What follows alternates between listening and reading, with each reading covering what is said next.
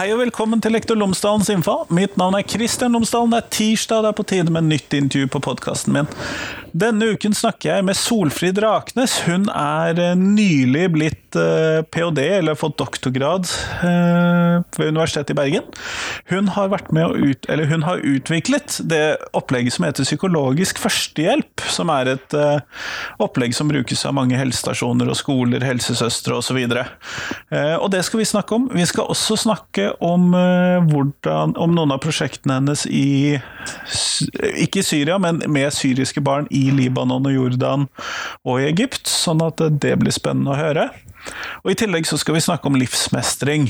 Eh, både faget, eller fagområdet, og mer generelt. Sånn at det tror jeg blir spennende. Her får du intervjuet, vær så god.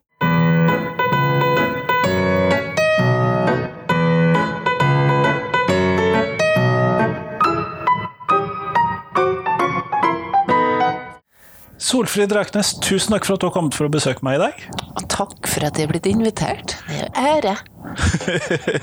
eh, før vi starter selve intervjuet, kunne du ha fortalt meg tre ting om deg, sånn at lytterne mine kan bli litt kjent med deg. Ja. Uh, en er litt sånn omreisende nomade, så det er nummer én. Og så nummer to det er at uh, jeg er psykologspesialist. Uh, og nummer tre det er at helt sånn, en helt blodfersk ph.d. Så jeg disputerte her på Universitetet i Bergen forrige fredag. Gratulerer med det. Takk. Eh, jeg regner med at det føltes godt å være ferdig. Åh, det er sånn lettelse, vet du. Ja. Eh, men du har utviklet noe som heter psykologisk førstehjelp. Kan, eh, kanskje vi skal starte rett og slett der, og så bare Hva er det? Jo, det er egentlig ganske mange ting etter hvert.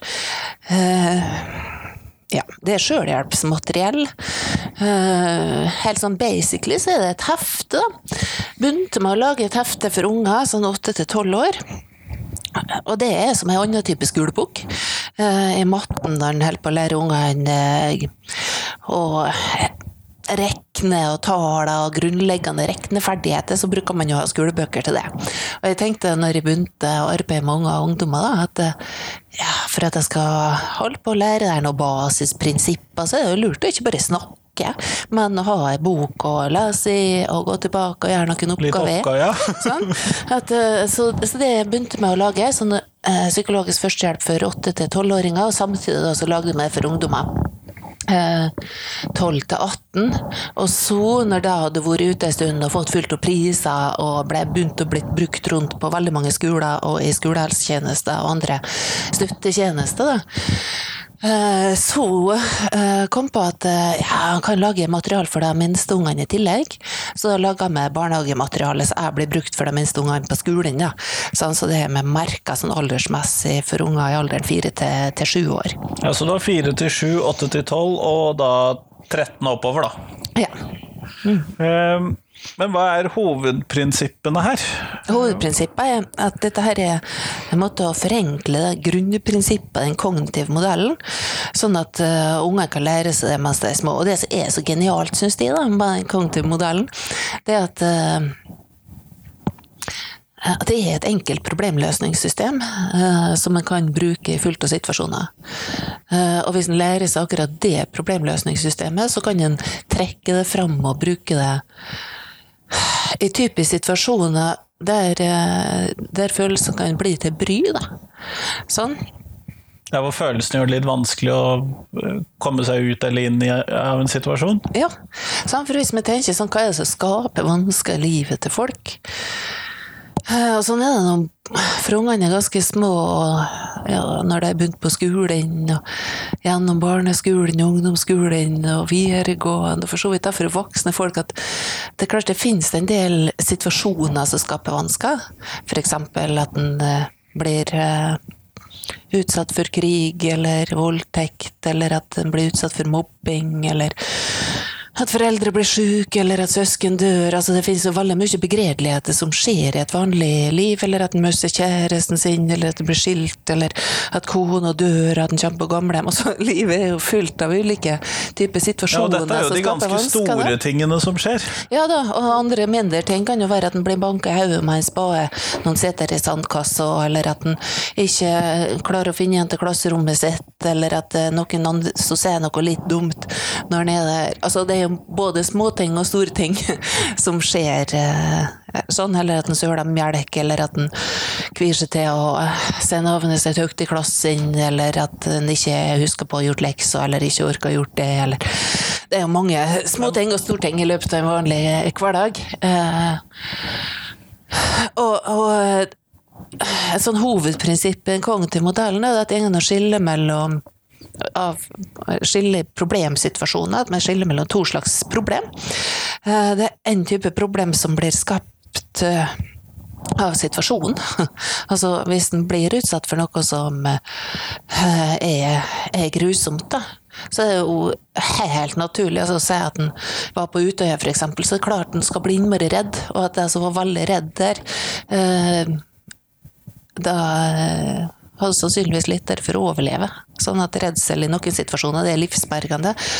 Eh, alle følelser i utgangspunktet det, det hjelper oss, da. men i noen situasjoner så blir følelsene til bry. Så altså, noen problem det er skapt av situasjoner, eh, mens andre problem det er skapt av måten vi fortolker eh, situasjoner på. Sånn at hvis de Som når vi da er mørkeredde, da, for eksempel. ja, hvis du er mørkeredd på en plass der det er spøkels, da, skikkelige spøkels, eller farlige folk, så er det klart at eh, Det er at naturlig. sant? Det er helt på sin plass. Sånn, Ja. Da er redselen til, til hjelp for det. Men sitter du er mørkeredd på en plass det ikke er spøkels, eller på en plass der eh, det ikke er skumle folk, sant? Og, eh, og du er på besøk eller med naboen f.eks., og det begynte å bli taust, og du er i grunnen hjem igjen, og du har sagt du skal komme men du ikke tør å gå de her 50 meterne, eh, fordi at du begynner å tenke sånn at å guri meg, sånn, hva som helst kan skje, for jeg ser jo ikke, hva, sånn, og du tenker, det er ikke litt å få tak i tankene som er der heller, for hjertet banker så hardt, og du blir svett, og eh, det er vanskelig å puste, og panikken raser i kroppen, fordi at det er assosiert med frykt, da. Sånn, og i sånne situasjoner der egentlig eh, fryktreaksjon ikke er passelig proporsjon med faren i situasjonen, da kan vi begynne å lete etter ah, hva tanker er det som er her, da, som gjør at det er så skummelt å gå disse 50 meterne her. Eh, eller hvis man er i en klasse der klassemiljøet er godt, Eh, og så skal man ha ei framføring, da. Eh, og så begynne å grue seg for det. En del ungdommer er det jo sånn at gru, sånn, de er livredd for dette der, og holder presentasjonen i klassen mer redd for det enn for å leve, liksom. Ja, nei, det ser man jo som videregående lærer, sånn som meg. Sånn, sånn at, og, og faren i situasjonen der den er jo ikke så voldsom, altså når klassemiljøet er godt. Sant? Så der er jo helt overdreven angstreaksjon for faren i situasjonen. Og da er det viktig å, holde på å få tak i da, ja, hva tanker er det som eh, skaper trøbbel her, da. Sant? For her er ikke situasjonen som skaper trøbbel, det er derfor fortolkningene i situasjonen. Eh, Og det kan vi hjelpe ungene til, og ungdommene til å gjøre noe med. Og det er grunnelementet i psykologisk førstehjelp. At vi lærer ungene og ungdommene et problemløsningssystem som kan bruke når det er fortolkning av situasjonen som skaper vansker. Eh, Og der har jeg sett noen bilder av noen hender og noe greier. Ja. Eh, Kan du fortelle meg litt mer om de? Jeg syns Ja. jo det er et veldig håndfast eh, Unnskyld uttrykket. Håndfast verktøy. Ja, ja, ja. ser ja for det var sånn jeg skal, kan fortelle om jeg av han da. Altså, for da har vi lagd Far min har jo vært lærer når han ble pensjonist, da. Han har vært sånn praktisk type, så jeg har lært av han at hvis det er noe som skal bruke mange ganger, så er det lurt å lære seg utenat. Og så tenkte jeg, hvordan kan en lære disse her grunnprinsippene i den kognitive modellen utenat unge ungdommer? Må feste på kroppen, da. Sånn, så da putter vi situasjoner, eller hva skjer på tommeltotten, og så følelser på pekefingeren. Og så på langfingeren, da, eh, så ble det røde tanker. Og nå gjør jeg sånn, og flirer du, for da Solfrid rekker langfingeren opp i været her nå, sånn at Sånn, vi legger de røde tankene der, for da, det er altså tanker som skaper trøbbel. Sånn, og så har vi de grønne tankene på ringefingeren og på lillefingeren. Hva kan jeg gjøre? Og så inni handa, eh, hvem er det som kan hjelpe meg? Sånn, så det er med de viktigste sånn, kategoriene i dette problemløsningssystemet vårt. De er putta på hånda. så skal en lære seg dette der utenat, så kommer det et problem. da, eksempel skal ha norskprøve eh, på mandagsmorgen på Tommeltotten, så følelsene da åh, gruer meg grusomt. Eh, og rødtankene er best å skulke. Eh, og grøntankene er vanskelig å finne, kanskje, hvis en sitter alene. Eh, Men kanskje sammen med noen? ja, absolutt. Sånn som kan prøve å finne tak i kan en kan få hjelp til å finne grunntanker. Eller kanskje kan en ha kommet på sjøl at Vet du hva, det er sjøl om eh, Jeg kan kanskje dette, jeg har lest kan, noe. jeg kan noe av det, kanskje. Og om jeg ikke gjør det knallbra Altså, en del av disse her som gruer grusomt til prøve, er til og med ganske flink, vet du. sant? Ja, ja. Det er jeg Eh, helt med på. Sant? Sant? En av rødtankene da er kanskje at hvis de ikke gjør det kjempebra, hvis de ikke er helt perfekt, så er det om å gjøre å ikke være der. Bedre å skulke enn å få en firer, liksom. Eller Og at, at det er rødtanker, men at grønne grønntankene da blir mer Jeg vet hva, det er fullt å prøve. Jeg får nå øve meg og gjøre så godt jeg kan hver gang. Og alle som er blitt gode nok, og jeg har gjort både bra og og dårlig. Sånn eh, det må jeg nå bare det er lurt det å holde på å ta seg nå prøven. Bli tryggere på alle prøver etter hvert, og så eh, om det ikke er knallbra hver gang, så kommer det alltid en ny prøve. Sånn. eh, Så hva kan jeg gjøre? Kan fare dit og gjøre så godt jeg kan. Eh, Og grøntankene som ligger bak den atferden, eller den tingen jeg gjør, blir jo at det er vitsig å holde på å oppsøke situasjoner som jeg er litt eh, redd for. Eh, Hvis det ikke så Ja, at den, det å møte ballen istedenfor å trekke seg, at det er en god ting hvis en har lyst til å bli roligere. Sånn. Og da hvem som kan være til hjelp i en sånn situasjon? Kanskje læreren, kanskje foreldre, kanskje venner. Kanskje denne lysegrønne plastikkfiguren. Ja. Ja, du har noen sånne små plastikkfigurer her. Jeg tok nettopp bilde av dem mens de klatret på mikrofonen min. Ja. Men eh, hva er disse for noe? Det var røde og grønne tanker. Når de gir det, det navnet, En gang til modellen, eh, så eh, det er, en, det er en gammel modell, det er ikke jeg som har funnet på den, skapt på 50-60-tallet. Og eh, Aron Beck, da, er mest kjent for å, å skape den kognitive terapien, han kaller det er tankene som skaper trøbbel for negative automatiske tanker. Og det er tankene som er mer hjelpsomme da, for alternative tanker. Og så når jeg holdt på å skulle lage om, bruke den modellen sånn at det blir lett å huske for unge og ungdommer, så, så tok jeg over det begrepet som Unnskyld, som Paula Barrett eh, begynte å bruke. Røde og grønne tanker. Litt sånn assosiasjoner til trafikklysa. Sånn, og egentlig sånn faretegn i situasjonen og Nei, naturen, da. Sånn, at den stod både i naturen så stoppa Så er det litt sånn rødt. Oi, her stopper vi litt, må vi tenke oss om. Ja, Vi spiser vanligvis ikke røde ting. Sånn, eh, dyr spiser ikke røde ting sånn for å unngå gift, for, Ja, for sånn. eksempel. Og så vet en at det finnes gode tyttebærer. Ja, ja. sånn. At det, det er forskjellig, men eh, ja.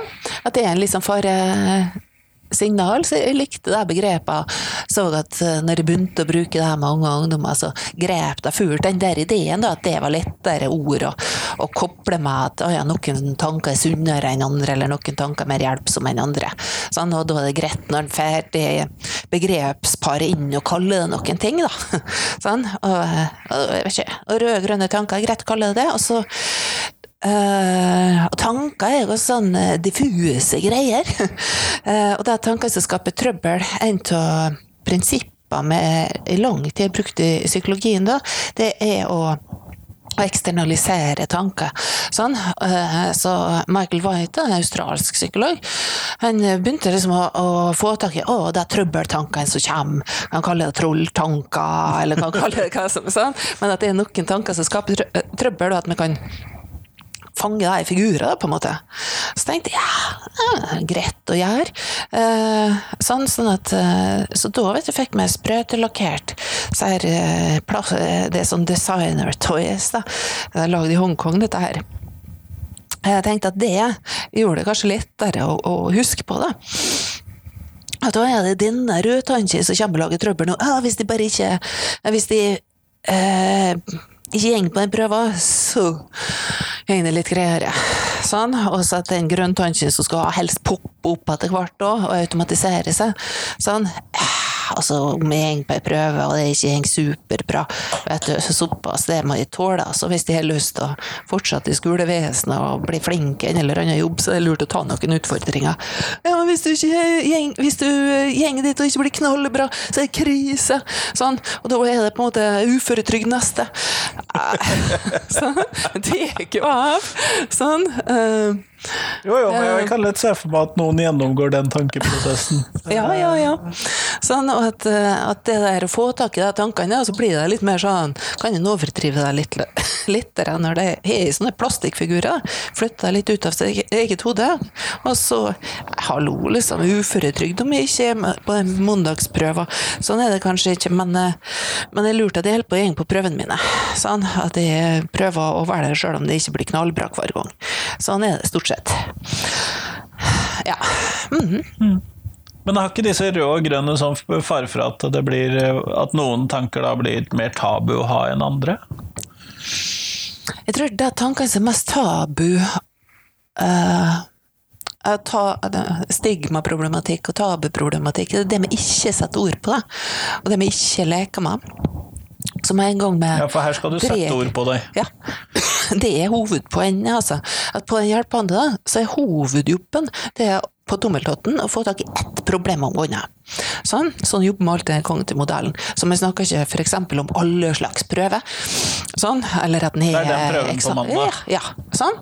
Eller den, for, den prøven som vi ikke kom til forrige uke. Sånn. Ingenting i gangen. Og så få tak i følelsen akkurat i forhold til den. Si at vi er på prøven som kommer på mandag, da. Hvor galt gruer jeg meg til den, da? På en skala fra én til ti, da for eksempel. Si at det er en uh, ren tier, da. Uh, og at uh, med en gang jeg tenker på den, så er det voldsom hjertebank. og dette er en muntlig prøve. og jeg skal stå der framfor hele klassen og snakke. Og forrige gang jeg prøvde meg på det, så stoppa det helt opp. Jeg klarte ikke å si et ord. Klart handlingsrommet er annerledes da enn hvis det er sånn at nei, jeg gruer meg med en femmer. Eh, omtrent. Det er ekkelt å tenke på. Men jeg tror, altså, hvis de er ferdige og i bunnet, så tror jeg nok at det roer seg. Sånn at eh, det der å få tak i hva følelser er, hvor det sitter i kroppen, hvor galt Få tak i hva rødtanker som er der. Eh, så drive opp de følelsene. Det er nok til det viktige. På alle de her tre fingrene her, eller på tommeltotten, så er det analysejobb i forhold til å klare å holde seg til ett problem i gangen. Og på pekefingeren følelser, så er analysejobb i forhold til å få tak i hva følelser som er der. Noe som er frykt. Kunne ha vært flauhet. Sånn, en, og sånn er det ofte hvis en er redd for alle presentasjoner, da, at noe av det er frykt, men veldig mye det er ofte flauhet. Altså Hvis en ser for seg det at skal stå her framfor klassen jeg kjente å bli knallrød på halsen, blodrød i ansiktet. Alle ser det og tenker at Flato der er jo helt nervevrak. Sånn. Og sikkert drukket altfor mye i helga. Sånn. Og så er hun så rød, liksom. Og dette der er jo helt ute. Sånn. At når det er sånne typer rødtanker knytta til at man blir litt rød, og at de rødtankene er, er overdrevne, det er det veldig ofte, uh, nesten alltid med sosial angst hos ungdommer, så er det det at man kjenner jo at blodet stiger oppover halsen og hodet, og så ser man for seg at den er knallrød, at angsten lyser utapå. At man ser for seg at den er mye mer redd. Altså, jeg ser for seg at det vises like godt hvor redd den er, som, som det kjennes inni. da. Og typisk når vi har levd en stund og sett oss sjøl mange ganger på video og sett i speil og sånn, så vet vi at å ja, det som vises utapå, eh, det er typisk ikke akkurat sånn som det kjennes. Eh, sånn, sånn at eh, så på de tre fingrene her, så er det å sette ord på, få tak i sånn som det er, prøve å akseptere at ting er som det er. Eh, og følelser skal jo ha en kommunikativ eh, sånn, eh, funksjon, og det det. Sånn, så hvis man klarer å akseptere at ting er som det er, og helst hvis man klarer å dele det med noen som klarer å ta imot det, og ikke får oss til å føle oss teit for at vi føler det vi føler, eller tenker det vi tenker, men aksepterer at ja, men sånn er det. Ja, men det er ikke noe rart at du gruer til den prøven der, hvis du tror du blir knallrød, hvis du tror at du ikke kommer til å få se et ord, og du tror at hele klassen kommer til å bråflire, og at du husker tilbake igjen til en annen gang det var sånn. Jammen er bra gjort at du tør å se. Sant? Det trenger ikke å gå dårlig selv om man tenker sånn, men det er ikke rart en gruer seg. Nei. Det er jammen ikke rart. Det er ikke rart at det kommer automatisk den tanken om at uh, kanskje best å unngå. Um, men, eh, men at det er en hjelpsom tanke, eh, der kan vi holde på å stille spørsmålstegn, sant? og at kan holde på da. Og da er det hefte, for eksempel. Sånn, nå, du kan jo lese, altså lærer, lektor Lomsdalen. Sånn? Så hvis du skal hjelpe med nå, så kan du lese, og så kan du hjelpe med å komme på sånne grøntanker i forhold til dette. Du leser spørsmåla der til meg. Ja, er det lurt å tenke slik? Hvis det nå låter som at de er ei jente på videregående skole, så gruer meg grusomt til denne prøva på mandag. Så vil jeg si at nei, det er ikke lurt å tenke sånn. Nei, vet du, det er ikke lurt å tenke sånn. Jeg blir jo mer nervøs av å tenke akkurat slik, da. Ikke lurt. Hva vil være mer hjelpsomt å tenke? Det ville vært lurere hvis de ikke øser meg så mye oppover den prøva. Det er jo bare ei prøve, sant, dette der. Og det, jeg vet jo på et vis at, at ikke alle kommer til å flire nå, da, for det er jo annen klasse nå enn det var den gangen. Det er en grei gjeng, dette her. Um, Hva er det beste som kan skje? det er jo faktisk at de er der og klarer å, å gjennomføre, da. Eh, for det er rett og slett ikke gjort noe på ei ria. Hvis jeg kunne klart det, det altså, Og det beste hadde jo selvsagt vært hvis de klarte å gjennomføre, og at det ble knallbra og alt mulig. Det er helt usannsynlig, da, men, men det hadde vært best, da. Hva ønsker jeg, og hvilke tanker kan hjelpe meg til å få det slik? Jeg ønsker å bli trygg på alle sånne presentasjoner. Eh, hva tanker skal hjelpe meg å få det sånn? Jeg kjenner ikke på. Hva ville jeg sagt til en venn i en lignende situasjon? Jeg ville jo sagt at eh, du kan jo se på meg, og så heier jeg på det, og så ville jeg sagt at vi kan øve i lag. Og så ville jeg sagt at det er ikke så farlig. Eh, og så Så ville jeg sagt For jeg har en venninne som er det sånn, da. Hun hun- det er sånn likedan føler liksom at hun blir kjemperød, og at det stopper opp. Og sånn, og så ville jeg jo sagt at men, du, ser, du er jo fin, da. Sånn. Og av og til så ser jeg at du liksom blir litt rød, men det er jo liksom Det er, ikke, det er koselig, egentlig. Og så er det liksom at du bryr deg, da. Er det jeg tenker sant? Det er ikke alltid jeg tenker seg sant, jeg vet egentlig, for jeg føler som jeg blir kjemperød. Og jeg har holdt på å filme, og jeg vet at det ikke er så rød som det føles. Og dessuten så det, Jeg tenker at det er lurere å ikke gå dit enn å gå, det er ikke sant. Det vet jeg, for at nå er jeg helt på vippen til å um, ikke få karakter. Og det er lurere at de er der enn at de ikke, ikke er der. Og det mm, mm. Er det jeg tenker sannsynlig? Ikke det der med at alle kommer til å flire. Det er ikke sannsynlig. Men at de er røde, det- at det blir det, og at det blir ekkelt å stå der, det er sannsynlig. Det er jo veldig ekkelt, da. Pinlig. Sånn, stå der og Jeg kan det egentlig, altså. Jeg er flink, egentlig. Og så står jeg der, og så blir jeg dårligere, sant. Eh, hva vil andre enn venn, mor eller noen andre ha tenkt i denne situasjonen? Tja Mamma er egentlig litt sånn som jeg, så er ikke mye vits i å tenke på. Sånn, men eh, Tja Vi kan jo Altså, det er jo noen av de kulingene i klassen som liksom gjør sånn uten at det koster deg noe. Og det gjør de jo liksom selv om de ikke forberedt seg. Og altså, noen gjør jo sånn. Og jeg tror det er bare tenker at jeg, liksom bare, må jo bare holde på. Forberede meg skikkelig av og til, så blir det av og til bra. Og hvis det er en dårlig skitt til det, liksom. Trenger jeg hjelp av noen til å finne noen grønne tanker nå? Nei, egentlig funnet Det var jo fint at du løste spørsmåla. mm. Ja, nei, sånt, eh, her så får de jo da en relativt sånn god sp spørsmålsrunde for å forstå hvordan de kommer seg kanskje gjennom de røde tankene. Og det er klart, Nå las du da og var lærer, og jeg var da 17 år, men det kunne jeg gjort Ja, nei, så da du håper jeg at jeg ikke hadde ledd. jo, men kanskje hadde det vært bra, for da hadde vi fått utfordre akkurat det.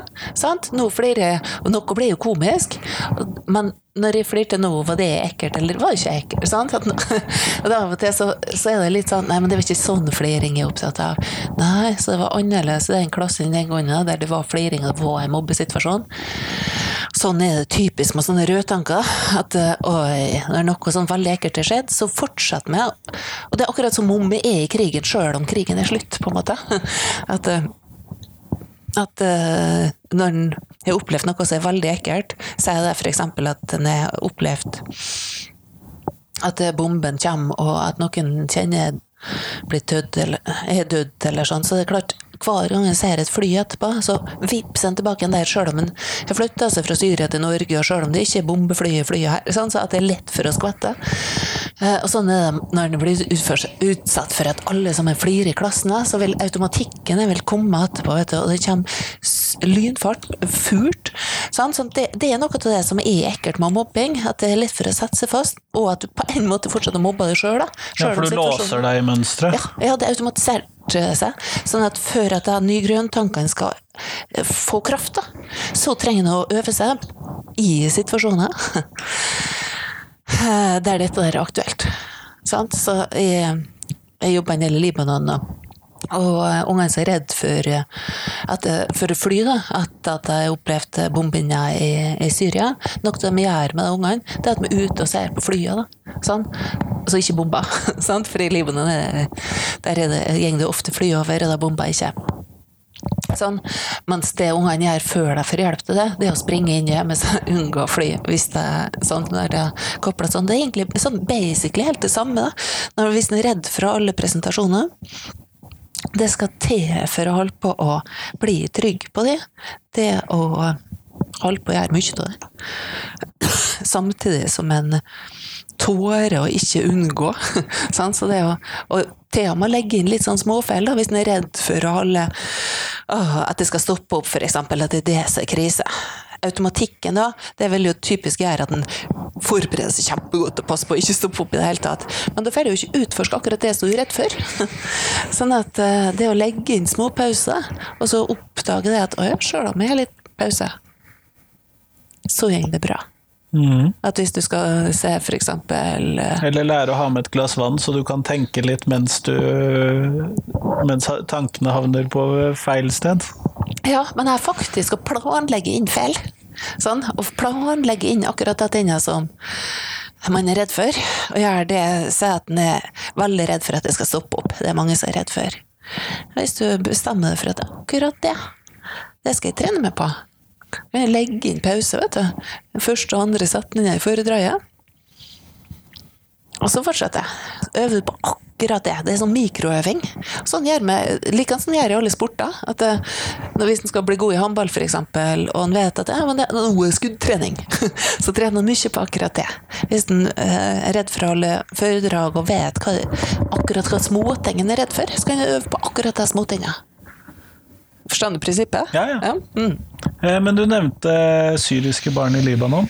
Mm. Eh, Du skal tilbake til Libanon eh, nå på tirsdag. Mm. Hva er det du gjør der? Oh, der gjør jeg mange, mange ting. Eh, ikke bare i da, men i og de jeg jobber i lag med.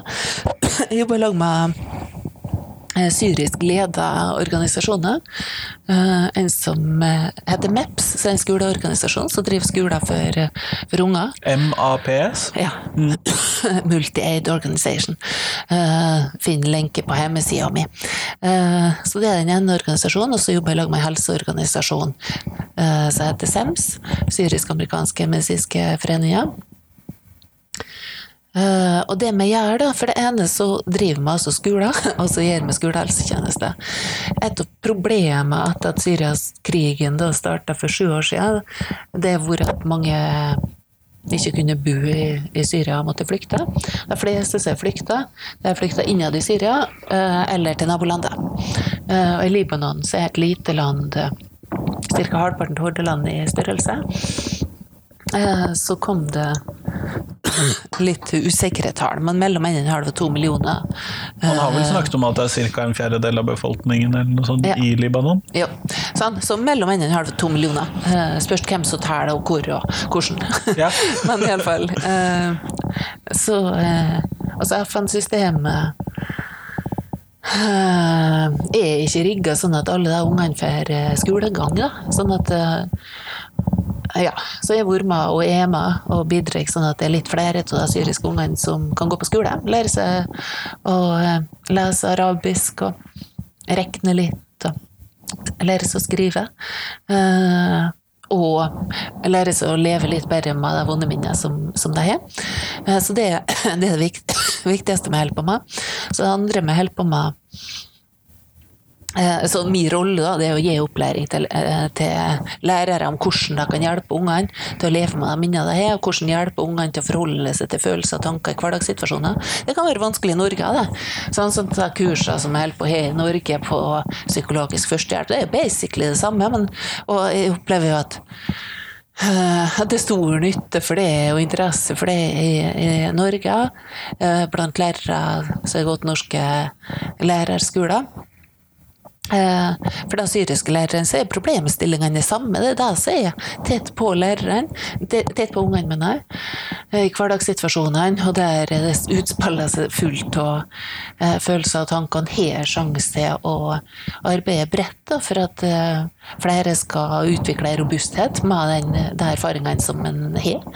Sånn, og lære seg noen mestringsstrategier.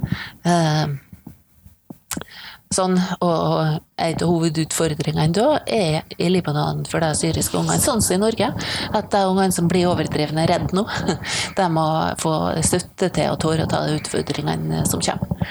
Så, så det holder på å trene læreren på, og trene psykologene og skolehelsetjenesten på. Og så, da, gjør vi forskning eh, i forhold til om akkurat den måten vi gjør det på, eh, er vitsig, og hvor mye eh, vi måler psykisk helse før at vi har noen program som er sånne titimers program eh, som er gjennomført i skolen i, eller på flyktningleirskolene. flyktningleirskolen. Og så måler vi før og etter mål for å få en indikator da, på om, om eh, ungene blir mer eh, robuste. Så det er den andre tingen vi gjør. Tredje tingen vi gjør, det er at vi eh, at ungene holder på å tegne drømmer. sant? Hva de håper på. For det er noe med at, at krigen har vart såpass lenge nå, og, bombingen av Idlib har er jo så vidt begynt nå. En regner med det blir mye mer av det. Eh, sant? Så det er fortsatt jo dårlige meldinger så det å bevare håpet, eh, det er utfordringen i leirene nå. Og når en har opplevd at foreldre ikke har fått jobb på sju år, og en bor, en er flytta fra husene sine og bor begredelig og er fattig, da, det er jo djup fattigdom, eh, så er det å, å arbeide fram håp, da, og bevare håpet, både blant de voksne og blant ungene, helt, helt sentralt. Så det er tegningene både av det som er opplevd av vonde minner, men av det jeg håper på og drømmer om. Det er, det er helt sentralt. Og mye av det jeg har gjort, er å ta med tegninger tilbake til Norge og holde på å lage små utstillinger. Så akkurat nå her i Bergen så har med litt av tegneutstilling borte på Dromedar i, i Strandgata, med tegninger derifra. Og når jeg drar ned nå, så skal vi lage tegninger til utstillinger som skal være i regjeringskvartaler i Finland og i ja, flere av direktorat, eh, direktorater der. Da. Så det er et sånt tegneprosjekt. Eh, Og så, og det er vanvittig rørende og varmende, det er at eh, at eh, det er kaldt da, i Libanon eh, nå etter hvert, eh, spesielt om natta. Og om vinteren så er det kaldt. Det er et land som Det er snøveier etter hvert. Og når folk er fattige og jeg flytta fra eh, alt det her, så mangla det jo alt. Så noe av Altså, det var noen i hjemkommunen min, da, eh, i Misund, eh, som tok kontakt og lurte på om de kunne hjelpe til. Og jeg sa ja, kan du kanskje strikke en genser? Og så begynte jeg å strikke gensere, og jeg heter Katrin Gangstad, da, hun organiserer innsamlinga av nystrikka gensere og ragger og hue. Og, og og det er veldig rørende, for det er mange da som ikke er ordinært arbeid, så holder på med den strikkinga. Og så egentlig tror jeg, uh, uten at vi snakker så mye om det, så tror jeg at noe av det som kan gjøre det vanskelig ofte i Norge og i Vesten, det er at en på en måte føler at det ikke er noen som trenger den. Sånn at livet kan bli meningsløst. da. Men her er det jo noen da som trenger det. det oh, er genseren her, når jeg tar meg det, og det her ungene får gensere, og mødrene sier at 'dette her var bra håndverk', og er denne mønsteret, og så er det litt flere av mødrene som begynner å strikke igjen og bli, syns det er vits, jeg, vet du. Sånn når det får inspirasjon. Uh, og hekler. Så det, eh, det er innmari da. Sånn, så eh, nå i går kveld så venninne av meg som for ned, eller hun drar i morgen, men jeg møtte henne i går, og da tok hun en koffert med, med strikka klær. Så fer nedover, og jeg tar en koffert når jeg drar på tirsdag. Da.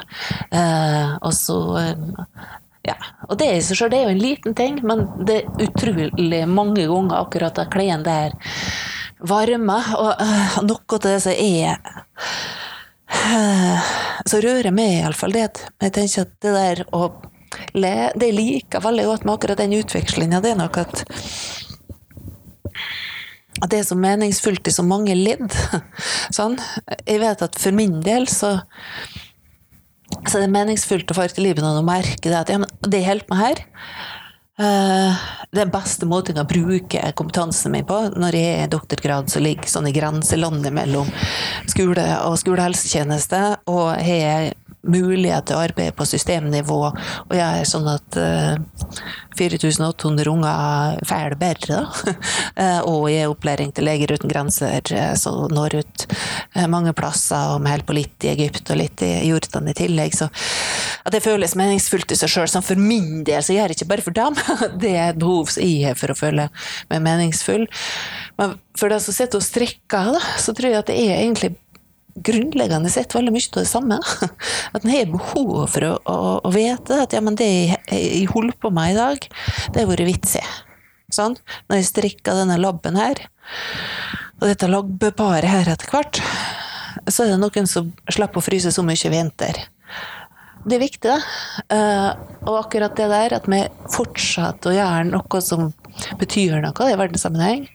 Jeg tror det er viktig i Libanon og for flyktninger, men det er viktig for oss å finne noe der vi kan, kan, være til hjelp, og det tror jeg er viktig for ungdommer. Vi hadde 614 selvmord.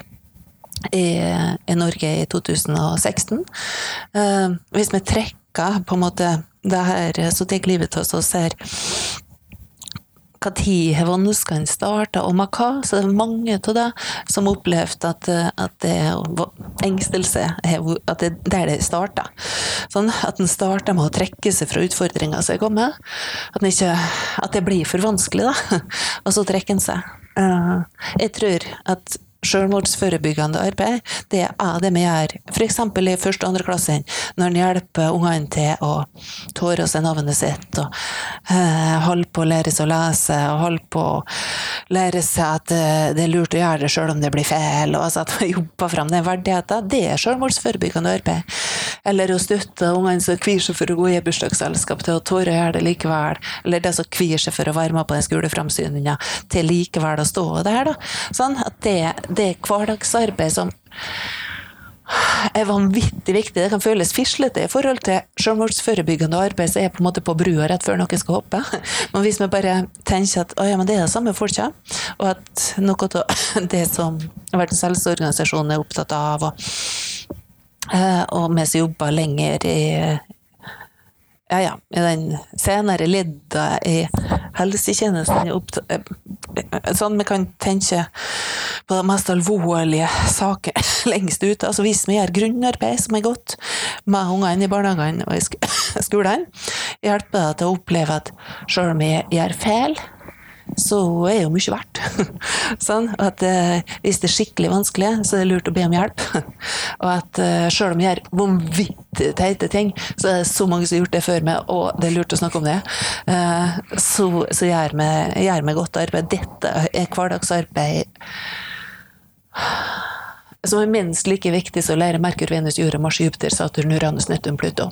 Mm. Du må kutte ut Pluto nå, da. Ja, det er sant. Ja, Noen er helt ute igjen. Man var inne igjen, og så noen ute igjen. Ja, jeg tror den er ute. Ja, ok. Men det er der vi er. Ja. Mm. Nei, men jeg ser poenget ditt. Eh, men vi går mot slutten av podkastintervjuet, mm. og da skal du få mitt faste spørsmål. Og det er hvis du skulle lage et nytt fag til skolen, og det skulle ha et innhold, og det skal ha et navn osv., hva skulle det navnet være? Hva skal faget inneholde? Og så kan vi jo selvfølgelig stjele skamløst fra andre fag, eller vi kan ta inn nye ting inn i skolen. Det er opp til deg. Hvis jeg hadde fått bestemme, eh, så hadde vi hatt et eget livsmestringsfag. Eh, jeg har forstått nå at livsmestring skal inn i skolen, at det skal inn litt i alle fagene. Og da må jeg si at jeg er litt redd for kvaliteten på den opplæringa som kommer. Sånn som så, sånn så jeg kjenner ungdomsskolen og videregående skole. Så, sånn så når jeg rundt og, og holder disse kursene mine, så er jeg inntrykk av at det er veldig mye yrkesstolthet i, uh, i lærere i det hele tatt.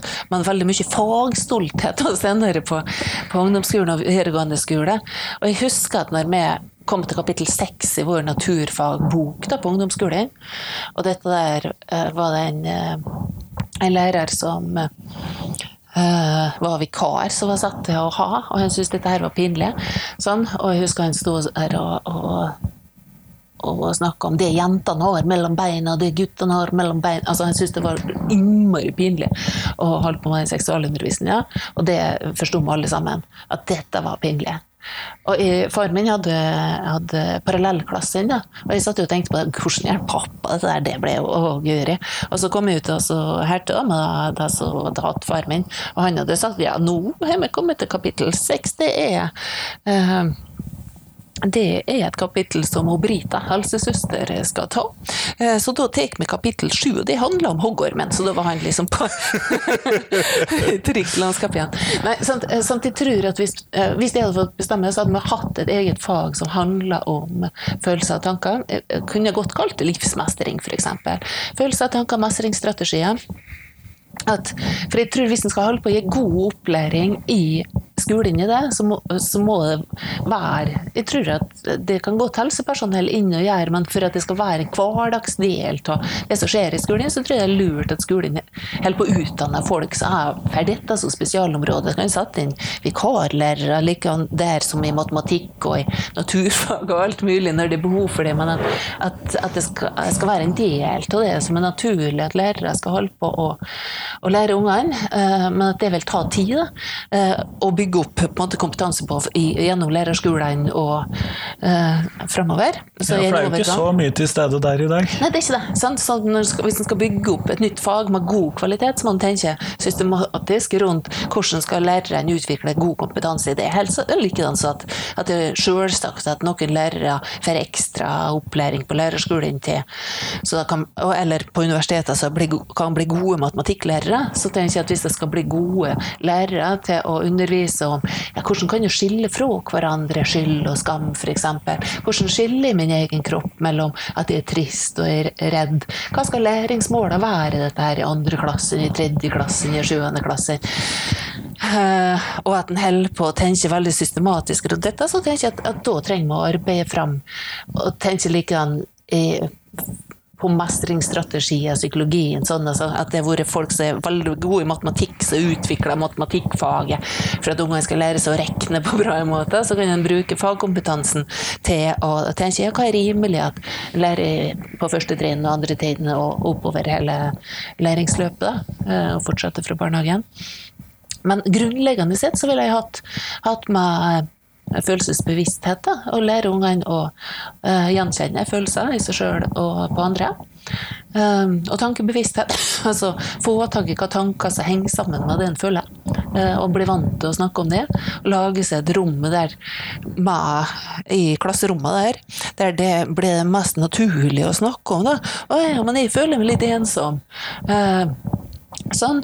Og det fredagskveld igjen og ikke noen å være med. Føler meg ensom. Og de røde tankene er lett for å komme da, og det er mer sånn Åh, jeg går galt med liksom. Altså, når du sitter og snakker om det i klassen, og det er fullt av andre folk, altså, har det sånn på fredagskvelden, da, så, så er du liksom ikke så alene om det lenger. Pluss at, uh, at det fullt blir mer sånn Ja, ja, men det kan jo holde på å være i lag. Uh, og at en kan hjelpe hverandre å bli med. sånn at en blir, når, når vi har dette som fag på skolen, så hjelper en ungene til å bli mer bevisst, ikke bare på hva han føler sjøl, men hva andre føler, og ikke bare på hva han sjøl kan hjelpe seg sjøl med, men hvordan han kan hjelpe andre. Ja, det er grunnleggende sosial kompetanse. Uh, men som henger sammen med å, bli bevisst og bli nysgjerrig på uh, hva kan føle og tenke sjøl, og hva andre folk føler og tenker. Og hvis vi setter det på timeplanen og jobber systematisk med det, så uh, syns jeg det er veldig god grunn til å tro, ut ifra forskninga som er gjort på dette, at, uh, at ungen blir mer sosialt kompetent. Uh,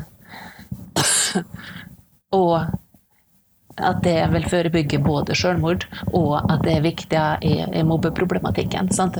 Det henger sammen, det er ikke noe helt nytt jeg snakker om, men det henger sammen, og det er mer systematisk arbeid i forhold til hvordan gi opplæring i, i, i sosial kompetanse. Um, med å formidle grunnprinsipper i psykologien som jeg holdt på å forske på i, i, alle år. Eller i mange år. Helt like Ikke så lenge som matematikken, da. det er et nyere fag, psykologien. Men eh, Det begynner å få en historie, det òg? Ja, det gjør det. det, gjør det. Og, uh, ja, nei, så det tenker jeg, og i den tida som jeg lever i nå, når jeg holder på å sitte litt ja, ja, og tenkte hva er viktig å lære ungene? Nå så vil jeg egentlig argumentere for at det er klart det har alltid vært viktig for ungene å lære sosial kompetanse, men i en tid som er i nå, der eh, relasjonene er kortere. Eh, altså det er mange flere folk inni livet til folk, til ungene. Fra at de begynner i barnehagen når de er små, til de begynner på skolen og er på SFO, så det er mange flere lærere inni, og voksenfolk inni et vanlig barneliv og større klasser. Uh, dessuten flytter han mer, og foreldre skilles, skilles oftere. Det, sånn. så det er ungene som uh, med stødighet klarer å si at 'dette liker ikke så godt, kan du hjelpe meg?' Eller 'å ja, men dette er jeg veldig redd for, hvordan kan du hjelpe meg til det?' Da er det lettere å hjelpe hvis en kjenner ungene kjempegodt over mange år, så, så, er det ikke like nødvendig at ungene ser det, for da vil den voksne kunne se. Mens når relasjonene er kortere, så vil da ungene spesielt seg gode til å sette ord på hva de føler og tenker og be om hjelp, få mer til det de egentlig trenger. Så det er viktig for den del. Og for å fungere i et vanlig arbeidsliv nå, da, så er kunnskapssamfunn først og fremst med i.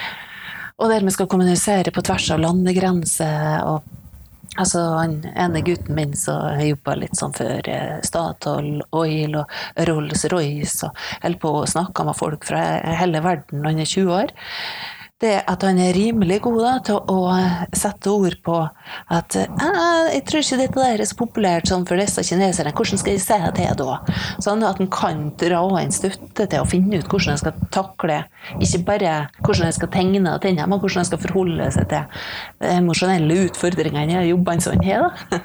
Eh, er superlurt, dette. Det tror jeg er viktig at vi tar på alvor. Ikke sånn at, så at psykisk helse eller livsmestring på skolen, et av formålene er selvmord selvmordsforebygging og, og forebygge eh, psykiske helsevansker. Men et uh, annet formål, tenker jeg, det er å, å bygge kompetanse og ferdigheter som alle eh, trenger. Og Det mener jeg er skolens oppgave. Og skolen må passe med det samfunnet som er i den tida vi lever i.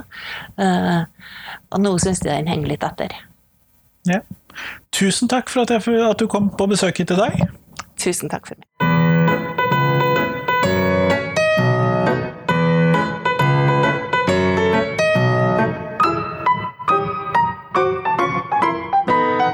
Tusen takk til Solfrid, og tusen takk til deg som hørte på. Nå er det en uke til neste gang vi høres igjen, men fram til da så håper jeg at du kan hjelpe meg med podkasten.